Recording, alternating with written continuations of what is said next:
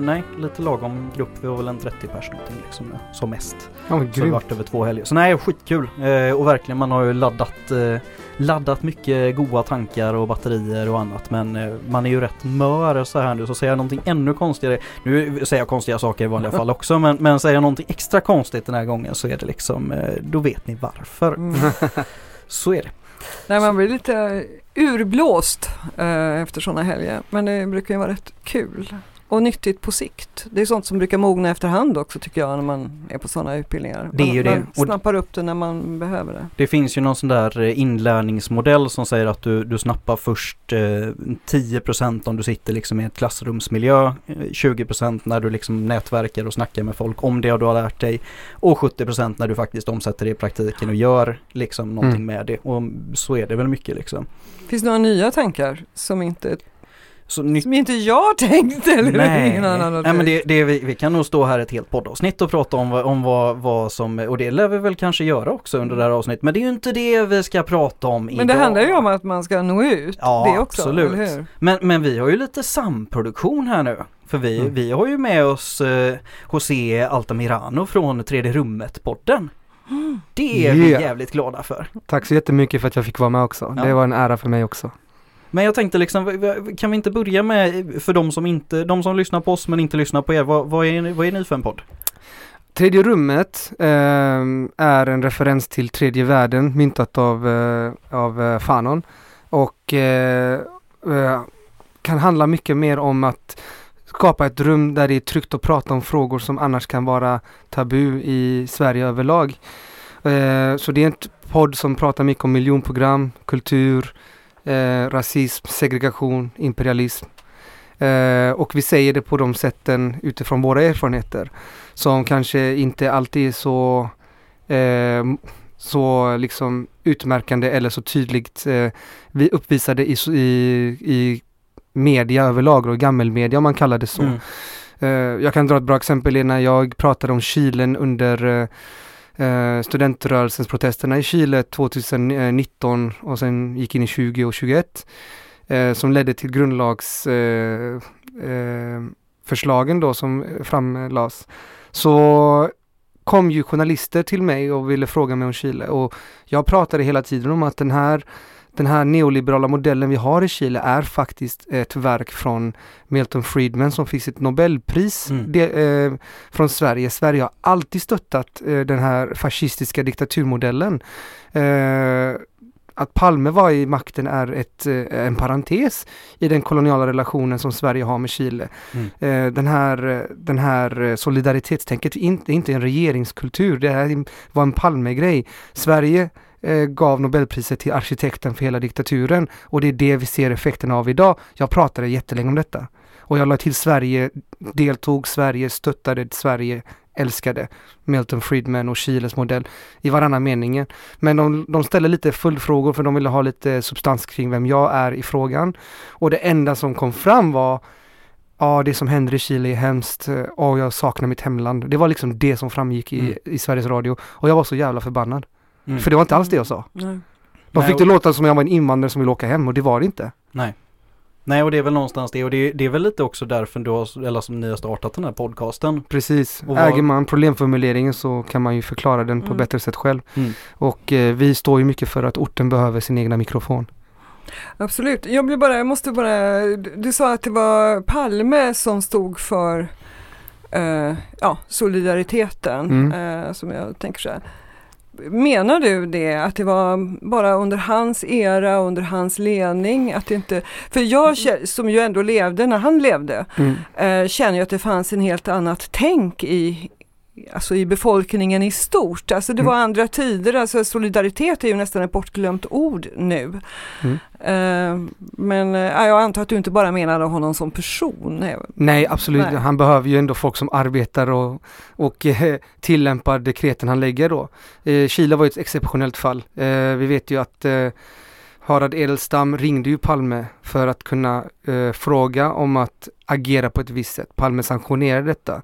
Men många tänker ju, många, många fastnar på den bilden och den händelsen som en exemplarisk generalisering av Sverige som stat och man har den här självbilden ibland som att vi är tredje världens bästa vän och då säger man nej, Palme var det. Harald Edelstam och hans anhang, de var det. Det var de. Mm. Och folket stöttar ju detta för det var en folkrörelse bakom som var väldigt internationella. Men man glömmer att regeringen, Palme, Många i riksdagen, de straffade Harald Edelstam för detta. De straffade Olof Palme för detta. De, kungen gav fortfarande Milton Friedman ett Nobelpris för detta. Man slog ihjäl en svensk aktivist som protesterade mot eh, Milton Friedman under Nobelceremonin. De två är, är två sidor av samma mynt här. Och med den sidan är inte så smickrande. Och då är vi i tredje rummet sådana som säger det här som inte var vi pratade om, det ska vi prata om. Mm. Hur man faktiskt gav Nobelpriset till ett utav jo, de mest... Men jag, jag tänker att, eh, att man gjorde, att man stöttade Chile så eh, när man gjorde det under Palmes tid, det var ju också därför att det fanns ju en rörelse. Det fanns ju, för det första fanns det ju många chilenare i Sverige, men det, det var ju också i en tid eh, där människor i allmänhet, vi rörde oss ju i den riktningen. Mm. Eh, det ser man ju tyvärr inte någonting av Idag. nu. Nej. Och, och, det, och då när man använder de här två sidorna för att förklara en helhet så tror jag att man kan få en bättre förståelse för vart vi är på väg idag. För den, den rörelsen har alltid funnits, den har bara varit väldigt undantryckt under ett bra tag. Men den har alltid varit där. En kolonial hållning till världen där man höjer sig själv att vi är ju ett bättre folk än andra. Om det inte är ras så är det kultur. Om det inte är kultur så är det klass eller, eller vad man vill, reg att följa regler. Och den den konfliktlinjen har ju ritats om idag. Men jag skulle vilja påstå att den konfliktlinjen har inte, den är inte ny. Den har alltid föreslagits finnas. Och den är inte heller ny, eh, den, inte, den är inte från 70-talet, den är ju från kolonialtiderna. Bara att man har velat ha en social ordning där man ska segregera människor ut efter ras, precis som efter klass. Men då har man ju eh, i Sverige haft en exceptionell välfärd som har utvecklats eh, av många olika faktorer. Jag behöver inte dra den för alla, alla kan mm. de här. Eh, men i det så har man också försökt förklara det för att det beror på den homogena rasen då och vi har eh, rasbiologiska institutet och allting. Och eh, ja, jag tycker det är, en, det är, en, viktig fråga för oss. Man glömmer att vi steriliserade romer, vi steriliserade samer. Eh, FN har inte utdelat en, en eh, massmords anklagelse mot Sverige för detta trots att det ingår i eh, genocide, i definitionen för genocide, det är att neka någon för att öka sig. Mm. Så det är, det är som sagt, det är känsliga frågor. Men då, då är man ju där, jag är ju så långt borta från nationalist som det går. Jag kan bränna chilenska flaggan utan problem. Jag älskar chilenska folket. Men landet för mig är inte samma sak som folket. För landet är en social konstruktion av en borgerlig eh, liksom elit som ville liksom dela upp världen efter administrativa våldsmonopol. Vem får vi tortera och fängsla och vem får vi inte? Mm. Det säger mig ingenting om Chile, för Chile, inte, Chile är ett namn som inte betyder någonting eh, för att beskriva folket. Det är för mm. litet för det. Mm. Och jag tycker det är samma sak för Sverige. Det är för litet för att beskriva Sverige. Allt från landsbygden i Skåne till gruvorna i Kiruna. Man kan inte säga att de alla är likadana under Sverige och där vi ska ha handen i hjärtat och säga att Sverige är bäst. Det tycker jag är, från vänsterns sida också kan finnas sådana tendenser ibland. För att jag har fått de här reaktionerna när jag säger de här sakerna. Så här, varför är du här då? Och det är ändå vänstern. Mm. Så jag, ja, för att mm. jag bor här. Det hade varit samma sak om jag bodde i Chile. Jag hade också velat få bort Piñera från regeringen och ha en grundlagsändring. Det betyder inte att jag hatar Chile, det betyder något annat. Jag mm. älskar folket i Chile och jag vill det bästa för dem.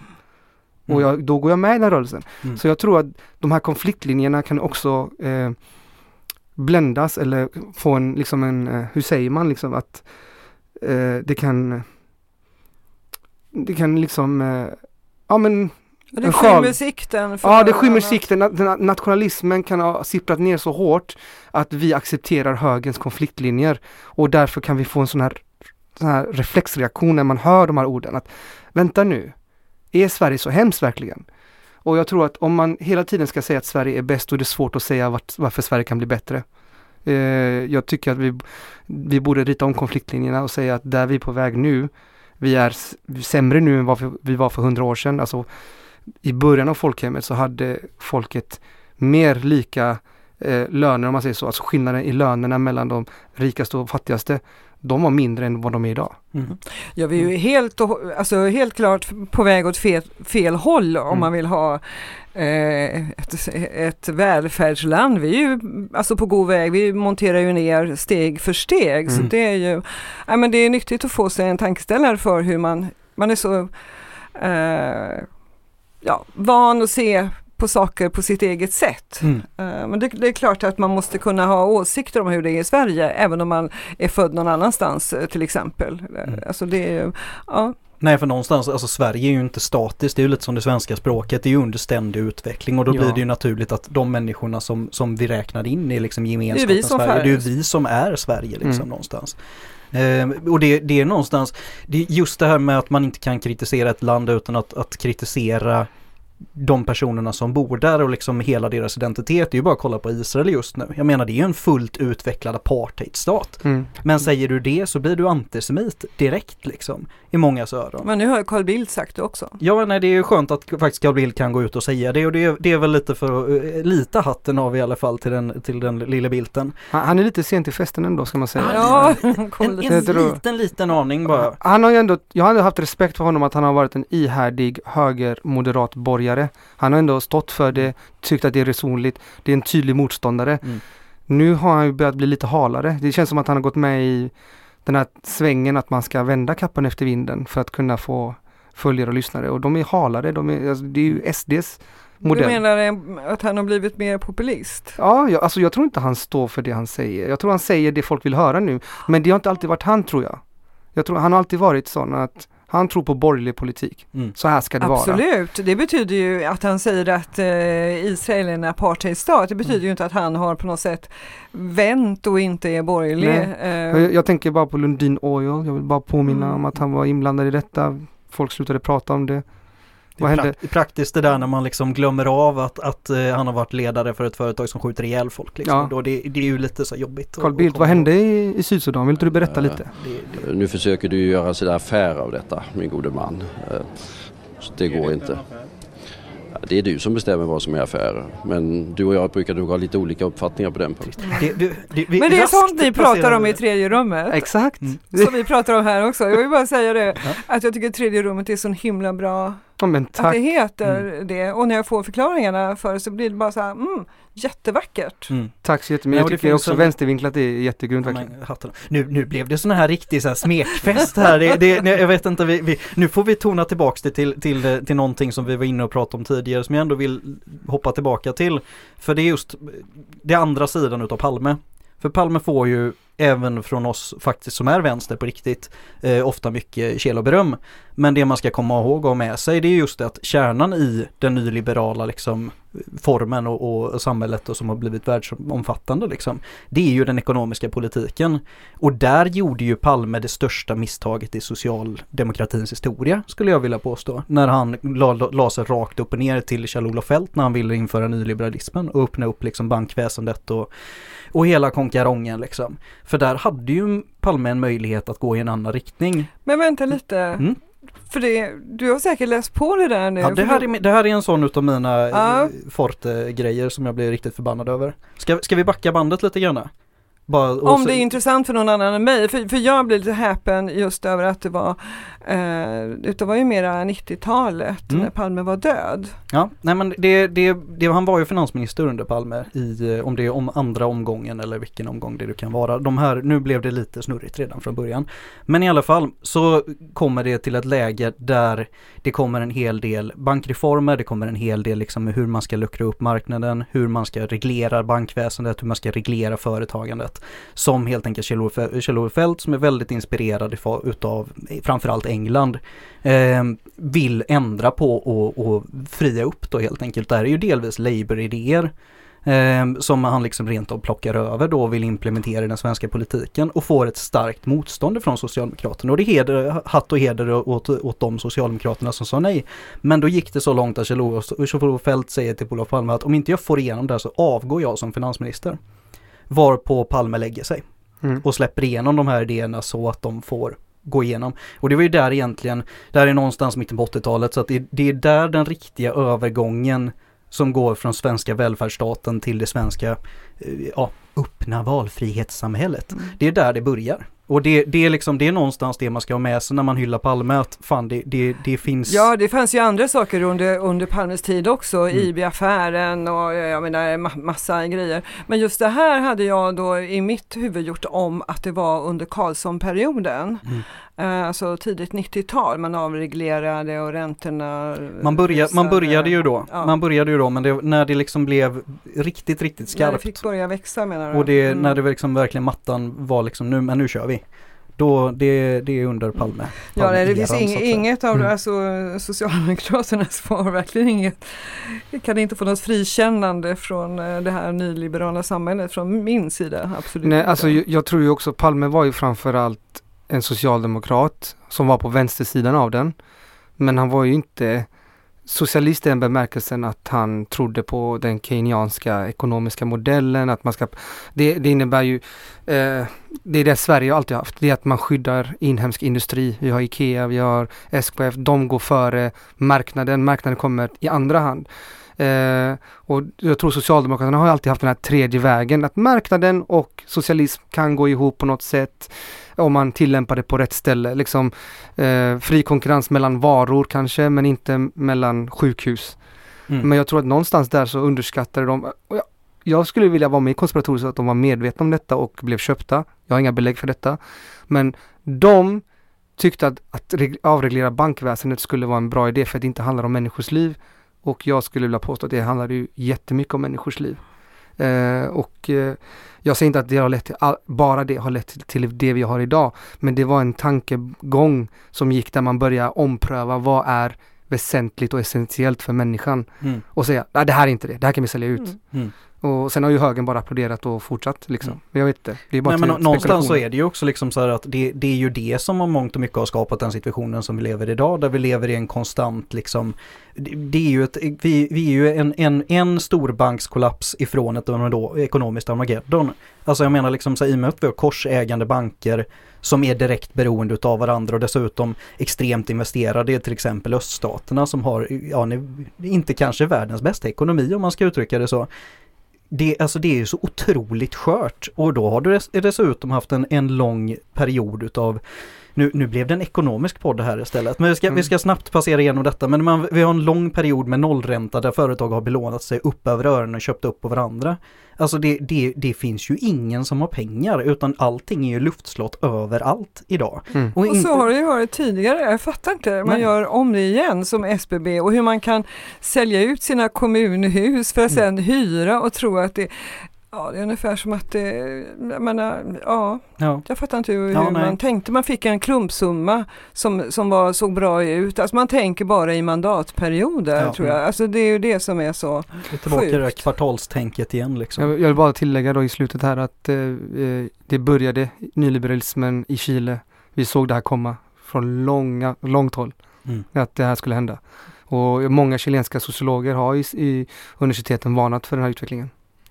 Jo, men, alltså Chile har ju ändå tagit tillbaka eh, privatiseringen av skolan på det sättet som vi har i Sverige. mm. Alltså man inser att det här inte ens i ett jätte nyliberalt land så vill man ha skiten som vi har här. Nej. Mm. Eh, Chile, Chile har ju fortfarande privat eh, utbildning eh, men de, de, de subventionerar inte. Där gick ju Sverige ännu längre. Jag kommer ihåg det här för att det var en rolig grej när man är tvåspråkig. Eh, Chile har ju alltid legat sämst i OECD för utbildning och de har också ett privat utbildningssystem som överträffar USAs eh, som kommer från Pinochet-tiden. Eh, Sverige blev sämre än Chile någonstans. Jag kommer inte ihåg vilket år, ska inte spekulera. Men eh, de gick om Chile i att vara sämst efter att de började subventionera privata gymnasium och allting gick käpprätt åt. Och då gick ju Chile ut och sa kolla vårt system fungerar, vi är bättre än Sverige. Det, var, det där var det ro- jag hade så kul en dag, jag tyckte det var så kul hur, hur man skapar sina, sina egna profetior och sen Mm. lever upp till dem. Nej det är konstigt det där att en skola som inte är till för att vara så bra skola som möjligt utan att vara så lönsam som möjligt, att inte Ja. det blir en bättre skola. Det är mycket Mm. märkligt. Väldigt mycket, mycket märkligt där. Det är, man får klia sig i skägget på den och två gånger om man har något. Men det var ju inte heller det vi skulle prata Nej, nej, om. Det, nej. det är nästan som en lång inledning till det här samtalet som vi egentligen skulle komma fram till. Men, men jag tänkte det här med, för nu har vi ju pratat och vi har ju varit inne och, och vänt i det området, men egentligen den stora frågan för det här avsnittet, det är ju okej, vi, har, vi har ett samhälle som är det samhället är. Vi har, en, en, en, vi har ju en klar bild med varför vi är här. Men hur ska vi nå fram med den bilden? Ja, då pratar vi om, eh, om hur vi engagerar liksom, ungdomen och den breda massan. Vi har ju inte en så stark arbetarklassrörelse idag som vi hade en gång i tiden. Nej. Eh, men vi, det, på tredje rummet har vi ju en, en, en, eh, en vinkel på detta och det är ju framförallt att förorten har ju den prekära klassen växt fram väldigt ordentligt och den, den klassen är ju sådana som lever utan att veta hur lönen ser ut nästa månad, om man kommer klara hyran eller om man kommer ha råd att äta. Mm. Eh, och den klassen har växt till sig ordentligt. Och det är så många ungdomar som lever i hunger och folk ser inte detta. Media lyfter inte detta men jag ser det här. Eh, via vänner, via organisationer, föreningar, via vår podd. Mm. Eh, de hungrar efter att ha en mening, att ha ett syfte liksom. Och de lyfter sina områden så bra, men varje gång de gör det nu, i och med den här aggressiva kampanjen från Tidöavtalet också och den aggressiva rasismen, så har de ju börjat stänga ner jag tänker Hammarkullen, eh, Hammarkullen överhuvudtaget är ett bra exempel för det är en av de föreningstätaste områdena i Sverige. De har karnevalen som är Sveriges största karneval. De har eh, Summer Dream som Hyresgästföreningarna hade anordnat som är att, upp, eh, att uppfylla barnens önskan över, över somrarna. De har eh, utbildningar, de har läger, de har så mycket grejer. Eh, Unga Önarna var ju starka där också. Men de har liksom slängt ut föreningar efter föreningar. Så här, det, är inte, det är inte föreningsverksamheten eller hungern att förändra som är, som är bristvara. Det är lokaler. För de stänger ner lokaler, säljer ut dem eh, till andra. Mm. För att de vill gentrifiera till exempel. Det är en process. En annan är att de vill också eh, stänga motståndet. Och där har vi, en, eh, vi har flera analyser. Jag vet inte vilken linje vi ska gå på. Men jag lägger fram de som vi kanske på tredje rummet har. Det ena är att den antiimperialistiska, antikapitalistiska och antirasistiska rörelsen överhuvudtaget är tätt förknippad med staten. Staten var en gång i tiden en förkämpe för detta. Så de, de eh, via eh, ABF och via eh, studiecirklar och annat egentligen så finansierar de väldigt mycket av detta som ledde till Men väldigt... arbetarrörelsen liksom Ja, kort men och gott precis. liksom när det Men idag finns inte den. Mm. Så vad händer om jag går ut och är kommunalt eh, betald och säger att staten är rasistisk? Vad gör de då? De stryper mig ekonomiskt. Och detta har vi sett med många eh, Mm. antirasister till exempel, särskilt antirasister.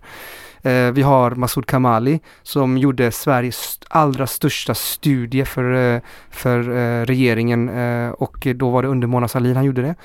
Eh, 2005, 2006 var den klar. Det var, nu ska jag spekulera lite här för jag vet inte om jag säger rätt siffror då, men det var 13 volymer tror jag. Det var över 100 forskare från Kanada, Frankrike, USA, Sverige, Danmark, så många forskare.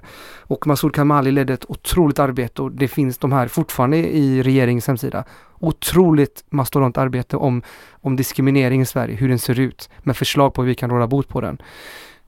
Problemet är att vi hade ett regeringsbyte 2006. Alliansen tog över. Det dröjde inte några dagar förrän de la ner den utredningen Mm. Mm. innan den skulle presenteras. Och de svartmärkte honom som någon sorts extremist för, Ja. för att han säger att Sverige är rasistiskt. Mm. Sen har vi... Eh, Man vägrade gå med på att det finns strukturell rasism Ja, i ja. Sverige. jag kommer ihåg att eh, Nyamko Sabuni, han frågade henne i livesändning, har du ens läst den här? Den är ju väldigt stor. Ja, jag skummade igenom den. Så hon har en klar bild av, alltså det, det är så de gör. Mm. Och det, taktiken de gör då, det är att eh, vi måste montera ner välfärden. Vi måste strypa de vi har kontroll över. Det är den antirasistiska rörelsen och den antikapitalistiska rörelsen, för det är vi som finansierar dem. Och då har man kommit fram till en analys i mångas hjärnor, som jag tror, jag säger inte, jag pratar inte för alla, utan med, men som jag har uppfattat det, det är ju att om man kan eh, göra sig fri från statens kontroll så kan också antirasismen och antikapitalismen frodas mycket bättre. Vi kan, det kan vara ekonomiska stiftelser, det kan vara eh, för ekonomiska föreningar, whatever. Så som arbetarrörelsen en gång i tiden gjorde, som Försäkringskassan var en gång i tiden. Försäkringskassan var en arbetarrörelsegrej innan. Mm. Det var inte en statlig grej. Många tänker inte på det. Men någonstans så blev det en statligt kontrollerad grej och eh, jag ska inte säga I told you so, men kolla hur, de, hur deras arbetslinje nu Mm. går. Eh, jag undrar om det hade gått om det tillhörde arbetarrörelsen. Så det här konfliktlinjerna tror jag också går i synergi med nedskärningarna. För att du, du kan inte ha ett land som kämpar för att vara eh, emot rasism, om du vill också skapa en underklass som ska förse överklassen med sina medel. Du måste ha segregation, du måste ha en desperation efter jobb för att kunna lönedumpa. Du måste kunna ha en motsättning så att folk inte organiserar sig. Mm. Därav, vi har olika kulturer, vi är jätteolika. Men tror du att det är medvetet? Är man så medveten? Jag tänker på nuvarande regeringen och tidigare regeringar också som har varit med och, och monterat ner välfärden och de möjligheterna för att man ska kunna verka på olika orter med, alltså ha lokaler och så. Är det medvetet tror du? Eller? Jag tänker mer att det är så här att man bara värnar om de som redan har och skiter i resten. Man liksom bara ökar kraven. Alltså du får väl för fasen eh, göra havregrynsgröt om du inte har råd. Och, ja, du får ta de jobb som finns. Ja, alltså jag, jag vill tro att de inte är så smarta. Jag har, jag har fått mothugg, det ska sägas. Jag är inte, ens, jag är inte, eh, jag har inte full medhåll om att det, att det råder en stor konspiration. Det som pratar för det jag säger, det är ju det här att näringslivet är tätt förknippat med med eh, den rasistiska rörelsen till exempel, den vit maktrörelsen nu för tiden. Och jag har ett bra exempel. Eh, Fatima Dubakil och Maimona Abdullahi blev ju svartmålade av eh, Ann-Sofie och de hamnade i en, eh, i en dispyt eh, om detta i kommunen. Eh, där, Soffan pratar vi om då. Ja, alltså hon, hon, förbjöd Fatima och, eh, och Maimona att prata på ett eh, Reclaim Pride-event. Där det ingick i ett av flera nummer om feminism och jämställdhet, om hur det är att leva med slöja i Sverige. Och detta var igen Reclaim Pride som hade anordnat, det var inte dem. Men de fick inte tala i kommunala, för de hade samma värderingar som Racka enligt, eh, om man läser texterna i hennes blogg.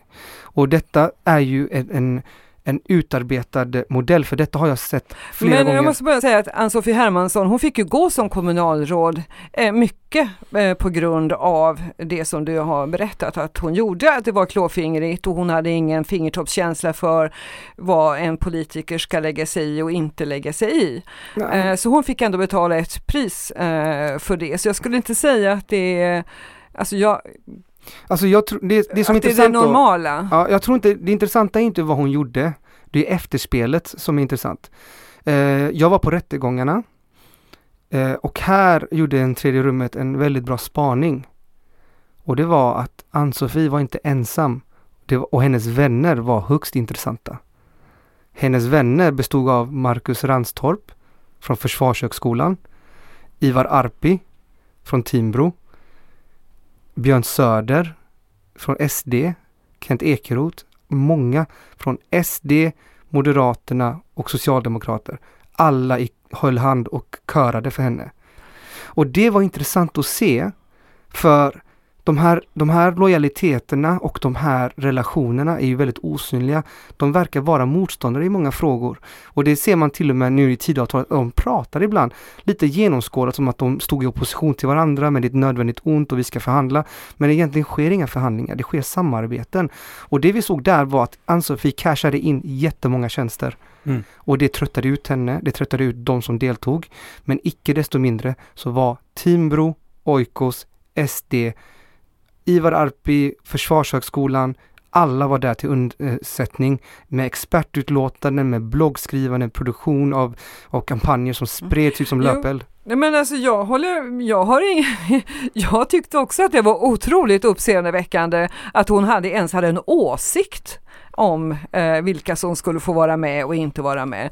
Så att det, det är inte alls så att jag försvarar henne men jag försvarar eller försöker se hur samhället i stort och politiken och eh, det svenska samhället, hon fick ändå gå för det. För hon fick så jäkla dåligt sällskap så kan man säga att det gjorde det gjorde ju inte saken bättre för henne. Så, så tänkte jag under, när, under den perioden som det var. Att inte, skit, vem vill ha Björn Söder och Ivar Arpi som sina kompisar? ja, jag vet inte riktigt hur de interna samtalen, alltså det var ju också även att hon styrde ju väldigt konstigt. Det var ju många som hade samarbetsproblem med henne. Eh, Så det finns ju olika eh, anledningar till varför hon fick gå. Eh, Men hon har fortfarande ett uppdrag som utredare för Socialdemokraterna. Hon har ju fortfarande vänner där. Och hon är fortfarande i Timbros eh, olika bokreleases och pratar om hedersbrott. Jag har ingen aning vilken kompetens hon har i den frågan men där är hon hela tiden. Men det är väl Socialdemokraterna i ett nötskal. Blir- Så länge du inte hoppar av partilinjen så blir du inte, då, då kan du vara kvar i Socialdemokraterna Men det är det som är så intressant. Gjort, liksom. Det är det som är så intressant spaning. Vilka relationer har de till varandra egentligen? Mm. De ska egentligen vara motståndare till varandra men här är de inte det. Mm. Och då, det, det är huvudfrågan. Varför tror jag att det finns en, en dold relation här? Mm. Det är på grund av den här händelsen. Vad heter den här nya boken från Balans nu? Jag har inte hunnit läsa den än. Men det, det, det är en bok som just handlar om liksom korruption och, och liksom hur man, hur man håller varandra om ryggen och hur man bara byter stol. Och liksom så här, mitt stående exempel är ju alltid jag pratar om Finansinspektionen och vad man, kollar man vad de som gjorde, satt i Finansinspektionen för tio år sedan gör idag så jobbar majoriteten på bank och det är kanske inte kanon liksom. Och det, det är ju på många, många sätt så Sverige funkar och har funkat under en Mm. ganska lång period. Men jag tänkte bara backa in, för, för jag tyckte du ställde en jävligt intressant fråga Vivian som man även kan svara på ett, ett bredare samhällsperspektiv liksom än i ett konkret fall. Om vi tar Arbetsförmedlingen som liksom har gått från att vara en faktisk arbetsförmedlare till att bli liksom en kontrollenhet för arbetslösa. Det är ju det man pysslar med idag. Man har inga som helst jävla indikationer på att lösa ett jobb till någon utan det handlar bara om att man ska se till vilka som ska eller inte ska få och framförallt inte ska få a-kassa. Det är ju det det pysslar med idag. Och det är ju någonting som har kommit genom direktiv, genom ett uppdrag som har gått från att vara man ska ha x ärenden ganska lågt antal ärenden liksom i veckan och så handlar det mer om att kvalitet och faktiskt ge folk ett jobb till att hantera väldigt många ärenden. Och så är det liksom kvantiteten man mäter istället för kvaliteten. Och det här är ju en direkt styrning som Ja. grundar i den den marknadsliberala idén om att man ska inte, dels ska man inte pyssla med detta överhuvudtaget som, som samhälle, man- det var man för sig själv, men också den här poängen i att det ska finnas en ganska stor grupp arbetslösa Ja, för ja. att den, den kapitalistiska modellen ens ska fungera. Jo, liksom. precis. Nej, men alltså det, det är ju så uttalat Mm. att eh, från eh, denna regeringen, från tidigare borgerliga regering som, alltså att man skulle privatisera Arbetsförmedlingen för det skulle naturligtvis bli bättre, precis som allting annat blir Mm. bättre eh, Eh, när man privatiserar. Så att, jag menar, man har ju lagt ner i, alltså det behöver ju inte ens vara glesbygd utan alltså på, på väldigt många ställen. Så det är klart, det, det är ju via regleringsbrev och lagförslag som man har sopat under, undan mattan för dem. Och det, men- det är förstås helt medvetet. Det tror jag inte att det är, alltså det är ju vad liberaler och eh, moderater och har velat hela tiden. Mm. Så det, nej, det är inte det som jag inte tror. Jag tänker bara att vissa grejer tror jag folk är liksom mer korkade än vad man kan föreställa sig. Mm. Alltså jag tror också på det. Jag tror, alltså borgare av den gamla skolan är ju eh, hängivna helt religiöst till sin liberalism och marknaden. Att de inte ser att deras iPhones och deras avokado kommer från slaveri. De bryr sig inte om det. Och den är lite mer hederlig för att den inte gömmer sig bakom det. De tycker det är så den världen, världsordningen ska se ut. Mm. Men jag tror idag så är det mer planerande. Jag, jag vet ju att, jag har ju läst massa eh, Oikos dokument och SD-dokument. De är väldigt bra på att säga att man ska inte tala rakt ut med vad man tycker och tänker och, eller vilken agenda man har. Mm. Utan vi ska prata på ett sätt och agera på ett annat. Och det gör spelplanen lite mer komplicerad. Mm. För ärligheten har försvunnit från debatten och då måste man börja analysera vad som sägs mellan raderna. Nästan slinka in bakom kulisserna. Och det var ju samma sak. Jag var, jag var tidigt ute med att eh, outa eh, hur falskt det var att hylla, vad hette han, han liraren, eh, han Safar från eh, skolan i, i Biskop. Mm. Mm. Som en exemplarisk invandrare som följer Och han var ju, han var ju liksom en han var ju en karikatyr av vad SD älskade hos invandrare. Han var ju, ja jag lyssnar på svenska eh, historiepoddar och gottar mig i svensk historia. Men vänta, var det han den här superrektorn? Ja, Okej. och sen går han ju ut, sen kommer det ut att han har ju gått runt och skrivit i Flashback att han hatar judar. Alltså, det, det är sådana här saker är, är, tycker jag är talande. Mm. För att det utnyttjas, det används för att skapa en bild. Och jag tror att skapa bilder är någonting SD är väldigt bra på av ett samhälle. Mm. De har ju jättebra eh, media eh, träning. Alltså, jag säger inte det för att hylla dem. Som, som är ideologiskt eh, Nej, jag. kompetenta, men de är tekniskt kompetenta. Absolut. De är tekniskt kompetenta, de vet hur man ska spela på folks känslor genom att skapa kriser som inte finns eller använda kriser som finns. Men för att också erbjuda en, eh, en lösning på det. Till exempel, Jag skapar rädsla, det är ju Ja. det de vill. de, de har en video som är jätteattraktiv som jag har kollat med, med, med min vän Daniel. Alltså det, de har ju två svenska blonda tjejer som är på någon sorts eh, eh, äng och solar och så har man bönutrop i bakgrunden. Och så ler de och säger, vill du ha sånt här i Sverige? Mm. Och, och de skapar den här bilden som att den här kommer inkräkta på alla dina delar i livet. Du kommer aldrig få en lugn stund. De här kommer invadera dig och allting du håller kärt i ditt liv. Och de går in i, i kärnan av vem du tror att du är. För att den du tror att du är är också en nationell bild som har matats sedan innan. Vi är exemplariska, vi är det mest jämställda, mest jämlika, mest bästa landet i världen. Och så kommer då den här skräcken. Mm. De är bra på att spela på det. Mm. Jag tror att vänstern har mycket att arbeta på när det gäller att faktiskt adressera problem. Det är därför jag också kan vara väldigt radikal. Jag är en förespråkare för mer radikalt språk. För om man inte beskriver verkligheten som dyster så finns det ingen horisont att peka mot. Om allting redan är bra, men sen säger att vi borde göra det lite bättre. Jag tror inte det biter lika hårt. Och jag tror inte man får sympati från de som faktiskt lider också. För jag tror att det jag beskriver är ju de som lever allra extremast dåligt. Jo men man måste ju vara tydlig och konkret. Ja. Precis. absolut, men, men, och, och det är ju just det som SD till exempel är väldigt bra på. De skapar ju väldigt konkreta bilder. Mm. Eh, så vi, absolut, vi har ju att lära en del av, av dem. Och de har ju haft ett långsiktigt mål. Jag menar, det är ju inte för nästa mandatperiod som de tänkte för 20-25 år sedan. Nej. Utan det är ju liksom siktet, de vet ju vad de har för Mm. mål. Sen någonstans, jag tror någonting som vi också kan lära och ta med oss utav SDs resa rent kommunikativt, det är ju att de har testat sig fram. För jag menar liksom backar vi några år, det är väl tio år sedan som de släppte den här valreklamen. Ni kommer ihåg den med det, Ni många burkar med, eh, Mm. som springer liksom mot en pensionär som ska in först. Den är ju helt fruktansvärd och det var- var ju ramaskri runt den. Det var ju väldigt få som tyckte att oh vilken, eh, vilken talande och träffande reklam. Utan det var ju en, en, en testballong. Och det är väl någonstans, jag tror att vi ska nog inte vara allt för rädda för att liksom våga gå ganska långt i våran tonalitet för att testa hur långt och hur mycket vi kan driva på. För att sen liksom hitta det mellanläget som egentligen är mer framgångsrikt. Mm. Men då måste man också, precis som du är inne på nu José, att testa gränserna, våga liksom vara mer radikal. För att det, i Sverige, kompromisslandet Sverige så kommer vi hamna lite bakom det vi strävar efter. Men att man då också vågar ta ut svängarna. Nu, nu skruvar du dig på det Vivian, Nej, du brukar jag- alltid, nu, nu finns det något intressant har jag lärt mig. det gör det nog tyvärr inte. Nej, men vad jag tänker är att det bara är så fruktansvärt svårt. Mm. För annars så hade vi redan gjort det. Eh, men det kan ju inte vara omöjligt eftersom det är så många som är, alltså mm, SD är ju bra på att Mm. just fånga, fånga en verklighet som de tycker, som de vill beskriva.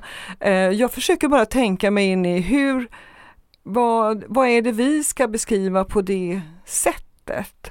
Alltså det är ju mycket skrämsel Ja, men jag tror, jag tror eh, Lin, som de jobbar med. Ja. Li- Linus Johansson eh, satt och sa en jävligt bra sak nu. Jag nämnde här i början att jag satt på ledarskapsutbildning och det han är ju ordförande i Partille. Eh, Han var inne på spåret att fan, vi kanske också ska börja jobba med rädsla. För rädsla är ju liksom sen primaltriggers, det är någonting som unga, och det finns ju mycket att vara rädd för idag. För stora delar av Sverige. Och det är inte bara att du kan bli av med ditt jobb för att det inte finns någon anställningsskydd och trygghet kvar. Inte bara att du inte har någonstans att bo för att ja, bostadsmarknaden är vad den är liksom. Och just är en marknad och inte handlar om att man ska bo.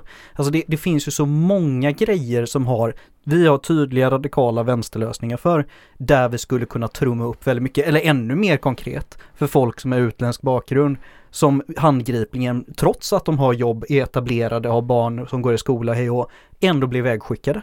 Alltså jag menar liksom så här, det, det, är ju, det är ju skarpt läge nu. Och att man, vi liksom inte vågar då i det gå ut och tydligt visa och trycka på den som gör att det är så här sitter på högerkanten och peka med hela armen och vara väldigt, väldigt tydlig i det.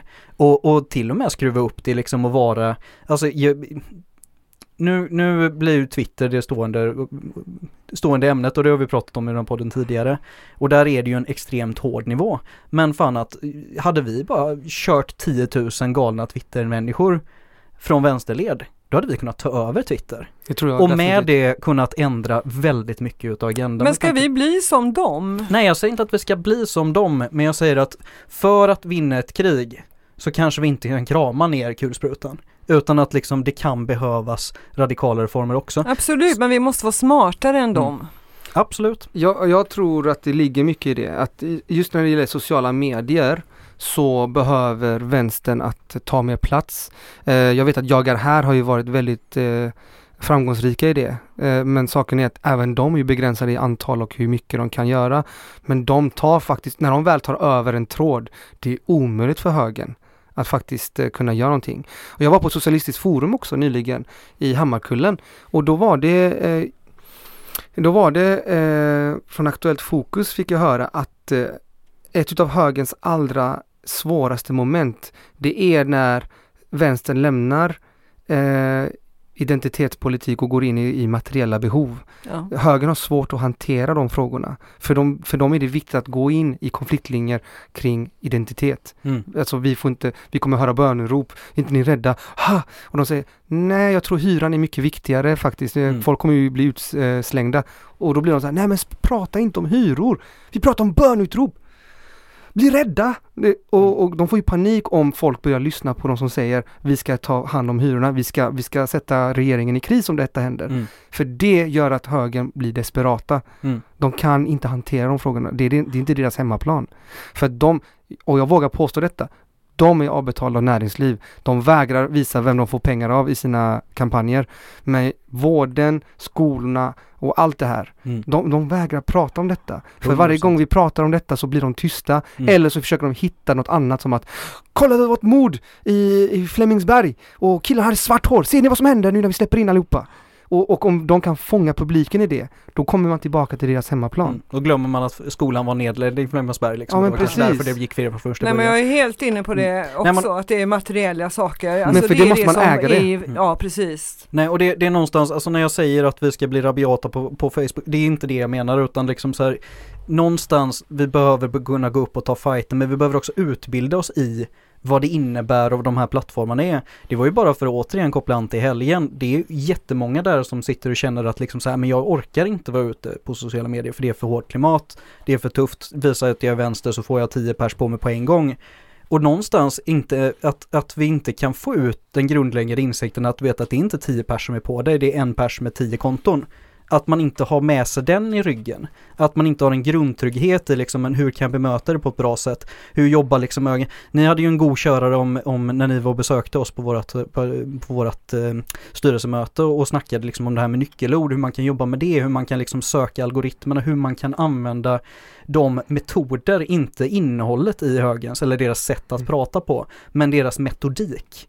Den Mm. kan ja, vi den göra typen med. av metodik. Och vi kan alltså, jobba med den på absolut. ett mycket, mycket effektivare sätt. Och det är någonstans återigen om vi bara ska köra en kort fråga på algoritmer. 10 fejkkonton är aldrig så kraftiga för en algoritm som 10 riktiga konton Mm. som har riktigt content och någonstans har en verifierad person i slutändan utav den. Och vi har ju folket. Mm. Och bör, blir fler och fler. Alltså vi har ju slår ju rekord på rekord i antal medlemmar. Kan vi få ut en tiondel utav dem på Facebook?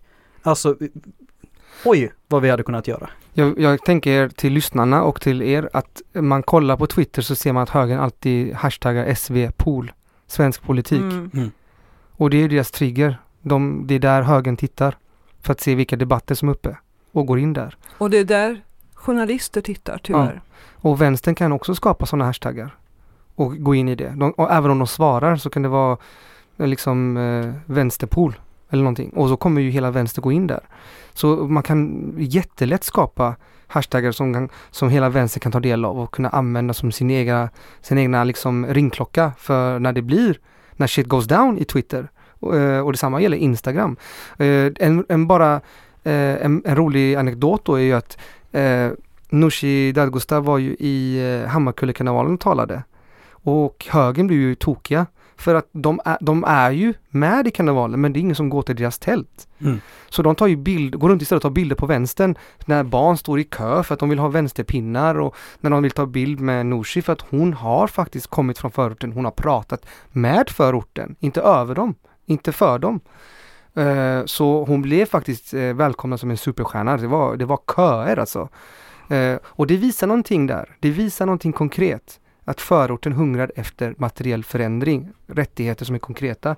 Men då var högern där och tog bilder. Eh, de tog bilder och suddade ut ansikten och sa ah, kolla, eh, de ställer upp barn i kö för, för vänsterpinnar, de har kapat karnevalen, karnevalen har blivit politisk. Och jag tycker Kristoffer gjorde det så fint för att han hade en sån fin eh, eh, passning tillbaka, bara att ni har talat i tre andra karnevaler, vi har talat i bara en. Mm. Har ni kapat karnevalen? Och där blir det tyst, de inte Mm. bemöter det. Så det kan man ju lätt göra. Det här gjorde en person. Men man kan göra sånt här i varenda inlägg. Jag, var, jag är sånt litet troll. Jag gick in i, vad heter han, Hampus någonting i kommunen Göteborg som Mm. hade skrivit de här inläggen att vänstern har kapat karnevalen och stod och delade då Kristoffers eh, svar i alla hans kommentarer. Mm. Bara lägg den där så att de kan se det, bara baska er i den. Här har ni. De har själv talat på scen. Mm. Men de skapar ju konfliktlinjen genom att omskriva historien och sedan eh, skriva ut den och om ingen svarar då är det den som blir sanning. Mm. Vänstern har kapat Mm. karnevalen. Mm. Men så effektivt är det att bara svara på tal. Mm. Mm. Med fakta och grund, och grund liksom. Ja, nej, vi, jag vet, vi har ju pratat om det tidigare, hur mycket man ska vara på Twitter och ska man gå in i deras alla eh, trådar som är så jäkla osmakliga så det finns inte. Men eh, alltså jag måste säga att jag har nog ändrat lite inställning till det, för jag tycker då, man måste nog faktiskt göra det av just de skälen som du Mm. säger. För man måste också visa alla journalister på gammelmedier och annat också. För de tar ju väldigt mycket från vad som är på Twitter. Alltså det är deras verklighet eftersom journalister för det mesta nu för tiden är ju, alltså man kommer ju från eh, eh, inte precis arbetarklassen heller, har ju inga egna eh, sådana ben att stå på. Så därför tror jag att det är jätteviktigt att man Mm. gör det. Nej, sen alltså för att, för att försvara journalister, för vi har grymt mycket bra journalister i det här landet. Men, an, en anledning till att jag inte jag blev en utav dem, det var ju för att media ser ut som media ser ut. Och jag menar liksom så när du har en handfull familjer som äger alla våra stora dagstidningar. När du har liksom väldigt, visst vi har, vi har en stark public service-rörelse, men inte ens de orkar ju hålla en egen agenda. Det är ju bara att kolla och jämföra vad SVT och SR tog upp i sina partiledarintervjuer och debatter. Inte var det de ämnena som de själva hade kommit fram till var viktigaste för väljarna, utan det var ju högeragendan som de hade kopierat från dagspressen rakt av. Och det, det, alltså, det är ju, det finns ju en, en, en sån tydlig, sen om det liksom är medvetet från redaktion till redaktion, från journalist till journalist, det tror jag absolut inte och det vill jag eh, verkligen vara tydlig med att det här är inte någonting som kommer från dem. Men det är ju en, en systematik i hur man väljer ja men framförallt ledningen, hur man tar ut liksom den bakomliggande strukturen för att få fram det här budskapet och nå till liksom det, till de frågorna Ja. som blir viktiga. Ja, alltså både ja och nej. Jag vill säga till José och de som eventuellt lyssnar, jag är ju gammal journalist. Eh, har jobbat inom public service och nästan ingenting inom dagspressen. Men jag har ju sett utvecklingen och förstår att du kanske att du tvekade och tog en annan bana istället. Och jag tror inte att det har så jättemycket med ägarstrukturen på DN eller Svenskan eller så att göra. Utan det har med att det är en sån homogen grupp människor som idag eh, blir journalister.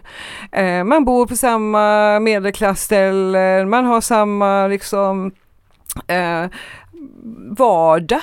Eh, så man, man fattar inte och så sitter man på sina morgonmöten och man har eftermiddagsmöten och gruppmöten och så har man kollat på Twitter och andra eh, sociala eh, forum eh, vad det är som händer. Alltså det, det är så det går till och det är så jäkla svårt att ta på för att Mm. det är inga, de är inga elaka, de är liksom inte så att Timbro säger nu ska ni göra det eller låter det sippra ner från ledning utan det är ju att man befinner sig i en annan verklighet än så många människor i Sverige gör.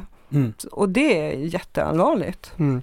Och jag tror också, alltså public service har ju gått igenom någon sorts eh, värdekris också och ideologikris för att de, den här begreppet objektivitet och neutralitet har ju fått en sån förskjutning mot höger att om till exempel att, att idag så skulle ju Nelson Mandela rätt tydligt vara en terrorist. Ja, om man kollar på måtten man mäter idag. Jag tänker på Black Lives Matter var en väldigt tydlig signalpolitisk eh, punkt. Det var ju att icke-vita journalister inte fick rapportera om Black Lives Matter för att de ansågs partiska. Och vad är partisk här? Är det att du har svart hud eller är det att du är emot rasism? Vad är kriteriet för vad det är? Men det blev ett stort uppror. Det har varit i DN och det har varit i SvD och i alla nyhetsartiklar. Många icke-vita journalister var portade från att täcka Black Lives Matter för att de ansågs Portade från, av vem? Av sina, av sina ledning, redaktioner? Av sina redaktioner. De, utan vita journalister skulle täcka Black Lives Matter eh, rörelsen. Och detta finns på svart och vitt i media. Det går bara att söka upp det. Och eh, jag vet att eh, Ja men det är väl någon sorts eh, Hon kokar- helt kokar snedtänkt eh, objektivitetstänk då. Ja men precis, det begreppet har ju förskjutit, eh, förskjutits så mycket åt höger att det har sk- skapat någon sorts ideologisk kris. Och jag tror att där kommer idén om radikalisering in, att vi måste ju våga vara radikala. Om antirasism är radikalt, låt mig vara radikal. Och då ska journalistik vara radikal och public service ska vara radikal. Men de har hela tiden liksom gått med på att vi ska vara neutrala till att om SD får bestämma vad neutralitet är, då är det att icke-vita journalister kommer vara för extrema för att rapportera om, om icke-vitas vardag i Sverige. Och då har vi den här absurda situationen som uppstod. Där de liksom inte fick. Eh, det var eh, ett upprop eh, med flera, flera journalister som var icke-vita som protesterade mot även eh, I vissa Sverige. i Sverige. Mm. Och detta är, finns offentligt. Eh, däremot så var efterspelen väldigt hemlig, hemliga.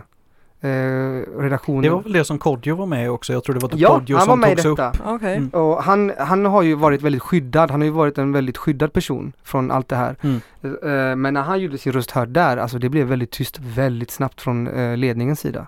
Och ingen har kommenterat detta. Och det är en signal i sig. Jag har vänner som är journalister och de säger, jag vill inte prata om det här. Alltså det har varit så hemskt den här erfarenheten.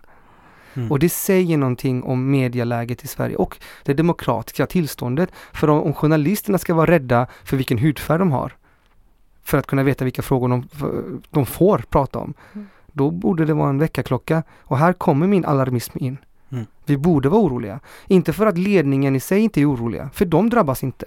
Men folk som ser ut som jag drabbas. Och om vi ska ha någon sorts sympati för varandra och skapa solidaritet så behöver vi alla vara oroliga för den här utvecklingen. För det som drabbar mig drabbar oss alla. Mm. Och inser vi inte det, då är vi illa ute.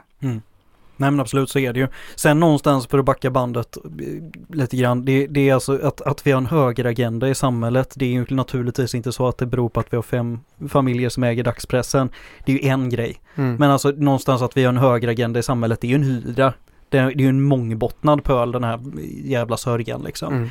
Och, och, och just att, att åtgärda och, och få ut det här, det enda sättet vi kan förändra det på det är ju att någonstans nå ut i hela samhället.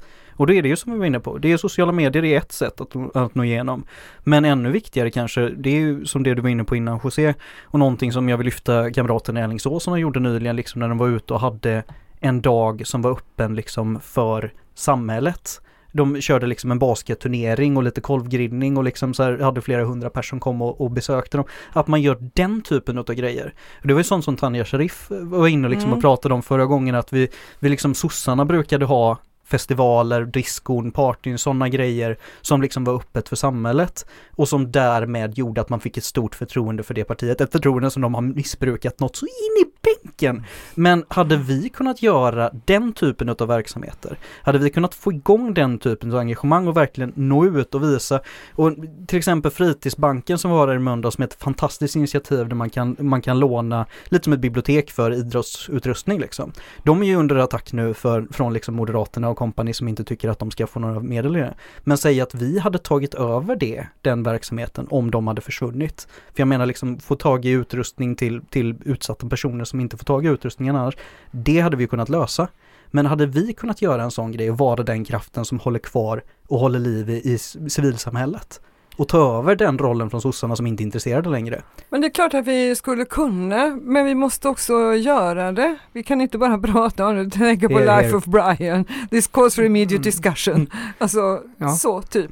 Jag inklud, inkluderar mig själv alltså i inte göra. Jag tror att där har vi faktiskt igen Hammarkullen. Jag vill bara lyfta Hammarkullen för att de är så fantastiska.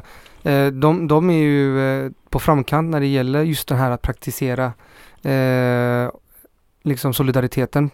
Eh, vi måste rita om konfliktlinjerna. Jag tror, eh, det, vi pratar också om det på Socialistiskt forum, att eh, konfliktlinjerna ligger i att vi båda drabbas av skolnedskärningar, inte av att vi kommer från olika länder, inte att vi pratar olika språk. Det, det här är någonting konkret vi behöver göra upp med och verkligen se varandra. För när vi väl går in i de här eh, grejerna och skapar ett mediehus till exempel, ett mediehus där det finns en våning för poddar, ett rum för eh, medieproduktion och tv och där det är medlemskap till exempel. Alla kan för en billig peng om året vara medlemmar så att det får ett flöde och produceras en mängd olika. Och då ser vi varandra, ser att vi är inte så olika för det här är en sektor, det är medieproduktion. Vi alla har ett intresse för det. Vi har så mycket gemensamt egentligen. Men vi ser inte varandra för vi lever så segregerade liv. Och det är både strukturellt på eh, påtvingat men också kulturellt betingat. Mm. mm. Att vi, vi vänjer oss vid en status quo. Och, och vi, våra tankar drar iväg så snabbt till att om vi har olika religion så kanske vi tycker för olika. Och man måste släppa de här tankarna och säga vad är ditt intresse när det gäller livet? Bara gå in till de mest basic stuff och du kommer få se. Vi har så mycket gemensamt. Och, och det är mina erfarenheter av att bo i förorten. Jag är från Chile, Invandrare är ett samlingsbegrepp för många olika kulturer som är så olika, men vi hittar alltid till varandra i Hammarkullen för att vi har föreningslivet, våra intressen sammanfaller oftare än vad de inte gör det. Vi vill alla ha bra mat, vi vill, vi, har, vi vill alla gå i träning, vi vill alla gå i skolan, vi vill alla ha en bra lön, vi vill alla ha en bra hyra och det är lätt att prata om de här sakerna egentligen. Och, och, där tror jag det finns mycket för vänstern att göra, både när det gäller att organisera eh, kommunikationen, men också att organisera solidariteten. Det är att vi måste, vi måste börja se varandra, gå till varandra. Mm. Bara säga hej, vem är du? Får jag veta vem du är? Jag tror att det kommer skapa en stor sympati eh, i förorten för vänstern också, mm. eh, om man kan överkomma den. För där vill jag säga, jag tror att det är högens bild som verkligen har svärtat ner alla våra sätt att eh, organisera vår sociala tillvaro. Mm. Mm. Men hur ser, hur ser vi ut i eh, utanförskapsområden? Eh, har vi många vänsterpartister? Alltså visst, det har vi, men alltså hur organiserar vi oss där? För det, kom, det går ju inte inte ens du Per, vi kan ju liksom inte komma och liksom göra något för några. Alltså det, är ju det, det, är det som är så svårt. Ja, men jag kan inte ordna någonting sånt i Linnea, det blir bara komiskt. Nej, alltså jag tänker ju om, man ska ju vara lokalt förankrad där man bor. Jag tycker det är ju nummer ett. Och eh, om vi pratar nu utifrån Mundal så finns det ju också en del där att göra. Eh, och en del människor nå ut till. Och en del, alltså antalet människor jag känner som ser ut som jag som har vänsteridéer är jättemånga. Antalet eh, medlemmar, där, där, där går gränsen, där slutar det komma in. Och, och då egentligen samma metod. Eh, Kristoffer eh, gör underverk i Angered till exempel. Där, de har ju fått in så mycket medlemmar så det, liksom, det, det räcker att bli över, de, de hinner inte med. Eh, och jag tror att metoderna är ju då att inte göra för, men med. Ja. Bjuda in och mm. vara öppen för det. För jag tror att även om man säger det på ett annat sätt så menar man ändå samma sak. Och, man, och det, där kommer ju även kommunikationen in. För vi kommer ha poddar som pratar uh, olika saker. Jag tänker mig mitt språk är lite grövre än kanske här, eller kanske an bara allmänt annorlunda. Men i slutändan så pratar vi om samma saker. Mm. Nej men någonstans också att man har en annan tonalitet och det tror jag krävs för att man liksom ska kunna nå ut till alla människor för att olika människor svarar på olika saker och tar till sig av olika saker. Så mm. att det liksom, det är ju inte alla som kommer lyssna på våran podd och bara oh vad bra de säger det. Även fast de kanske håller med om innehållet i det. Mm. Men någonstans för att liksom komma just hur ska vi nå ut? Jag tror någonstans, det är ju no om vi ska vända på det och se det lite halvfullt. Fördelen med att civilsamhället och det, alltså det sociala samhället backar och går mer och mer åt helvete. Det är ju att det är mer och fler och fler som trillar dit. Och det är det inte bara invandrargrupper, Nej. utanförskapsområden som, som liksom har det brunt eller ligger på, på, på knölen. Inte. Utan då är vi tillbaka i den gamla goda vi-sången liksom att miljoner som svälter i världen utanför står bara lite längre ner i samma hål. Och det är den insikten som jag tror kommer att forma en ny arbetarrörelse. För det var det den gjorde förra gången. Och det är det om vi kollar historiskt som, som alla sociala revolter har uppstått i. Att man hittat en bred enighet i alla de samhällslager som inte tjänar på att man har miljardärer på det sättet vi har idag. För att någonstans, det är liksom den stora massan Sverige spelar ingen roll vilken, vilken kulör du har, eller vilken religion du har, eller vilken sexualitet du har. Men de allra flesta utav oss torskar på det här jävla samhället. Sen att man har olika mycket chips på bordet, att man har olika långt liksom till vräkning, det måste vara. Men jag menar liksom så här, de här insikterna som jag haft de senaste månaderna utan jobb, det har ju förändrat min syn på på samhället som vi lever i idag. Och mycket liksom fått en konkret praktisk erfarenhet som jag känner liksom gör att jag bottnar mer. Jag kallade mig inte med en arbetarklass för tre månader sedan och var liksom, kände mig som en hycklare om jag hade sagt det ordet. Men jag är arbetarklass. Det har jag lärt mig på de här tre månaderna. Att även om jag har ganska långt, även om jag är nere på kistbotten och skrapar just nu, alltså eh, det, det är ju en stor del utav även det som kallas medelklassen som är de här prekära människorna. Alltså det är liksom så här, någonstans visst det är längre till till ja, men skyddsnätet är men väldigt skydd... dåligt. Det finns inte eh, längre. Jättestora maskor och medelklassen är också väldigt belånad mm. ofta för de har köpt alltså, dyra lägenheter, dyra villor. Alltså det är så skört så att det är inte bara arbetarklassen och de mest, som är de mest prekära. Alltså, det är fler men man, måste, man vill inte identifiera sig tror jag. Det är nej. det som är så knepigt att nej, men det händer nog inte mig. Eller ja, men det är ju det. Ja. Alltså jag har ju två livstider på mig att betala av mitt bolån. Mm. Alltså det är liksom, hur fan ska jag kunna göra det? Och går liksom, hoppar vi upp på räntor på 90-talsnivåer, eh, då ser det ju riktigt brunt ut liksom. Så att nej, jag tror att vi, vi kommer vi kommer att hamna tillsammans, vi kommer nå ut bredare, helt enkelt för att vi har inget val. Vi måste gå samman för att kunna komma någonstans. Liksom. Men jag tror också att det behövs socialt klister när vi väl hamnar mm. där.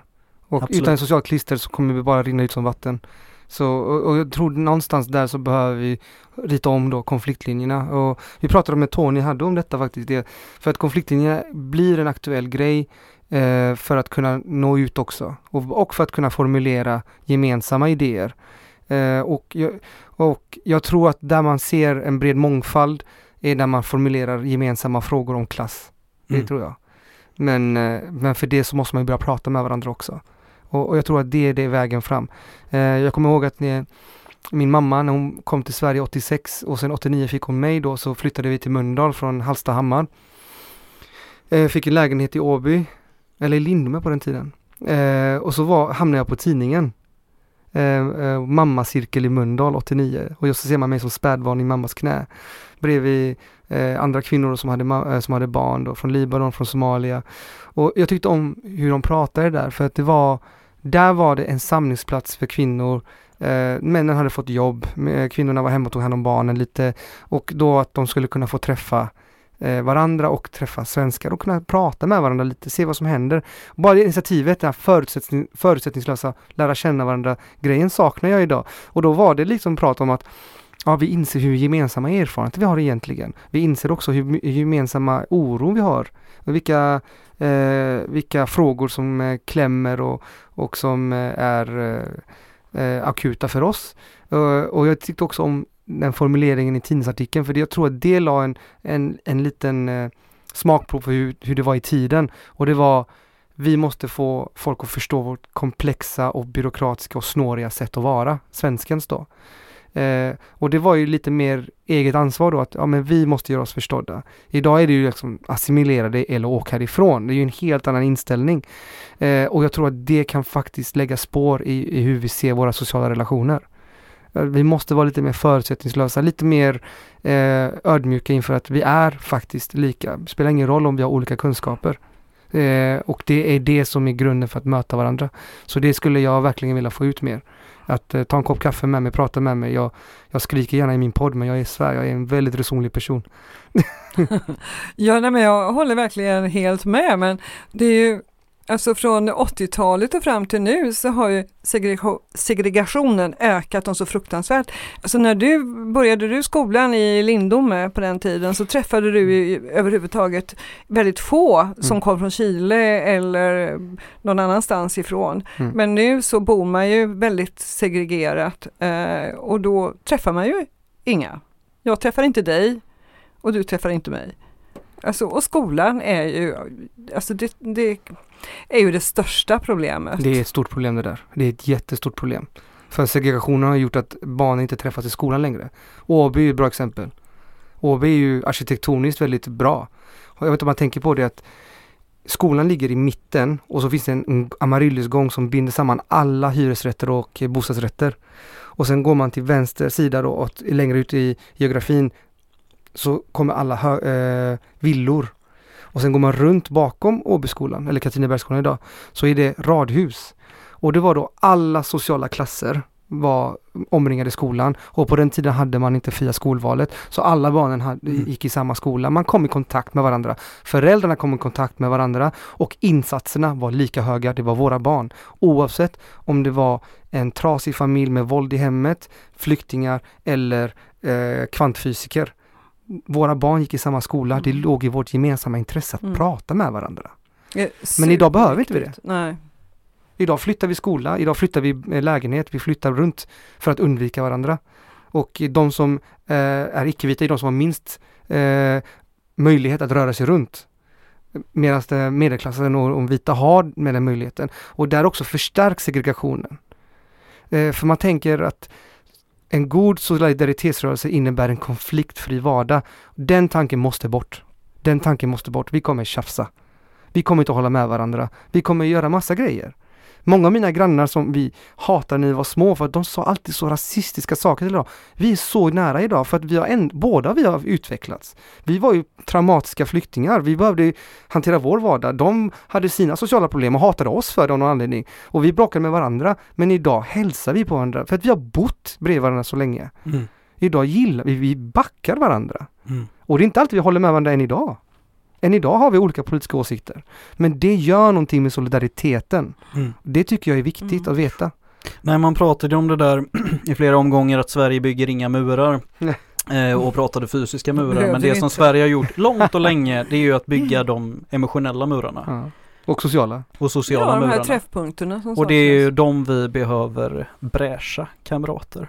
Och jag tyckte det, det var så vackert där, det blev nästan lite nerudianskt liksom där. Man, man fick eh, en riktigt god när du pratade om din mamma och det här. Så tycker att nu, nu, har vi, nu har vi pratat länge och väl här va. Och jag tycker vi får släppa iväg de som fortfarande är med oss i örat.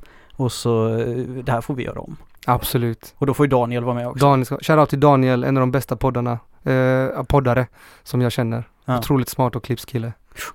Och då kanske det är vi som hoppar in i eran studio nästa gång helt enkelt. Hade varit en ära för man oss. aldrig, så kan vi, det är ganska mysigt här måste jag säga. Ja men det är det är det. väldigt varmt kan jag säga. Ja, det är det. Ja, det nu, blir nu, nu Sommaren. skiter vi det. Nu, Tack för idag kamrater. Shoutout till allihopa. Bye bye. Dröja lite lyssnande till vattnets klunk Glida under pilarna vid produceras av Hakuna Matata Produktion. dot dot dot. Bye bye. bye.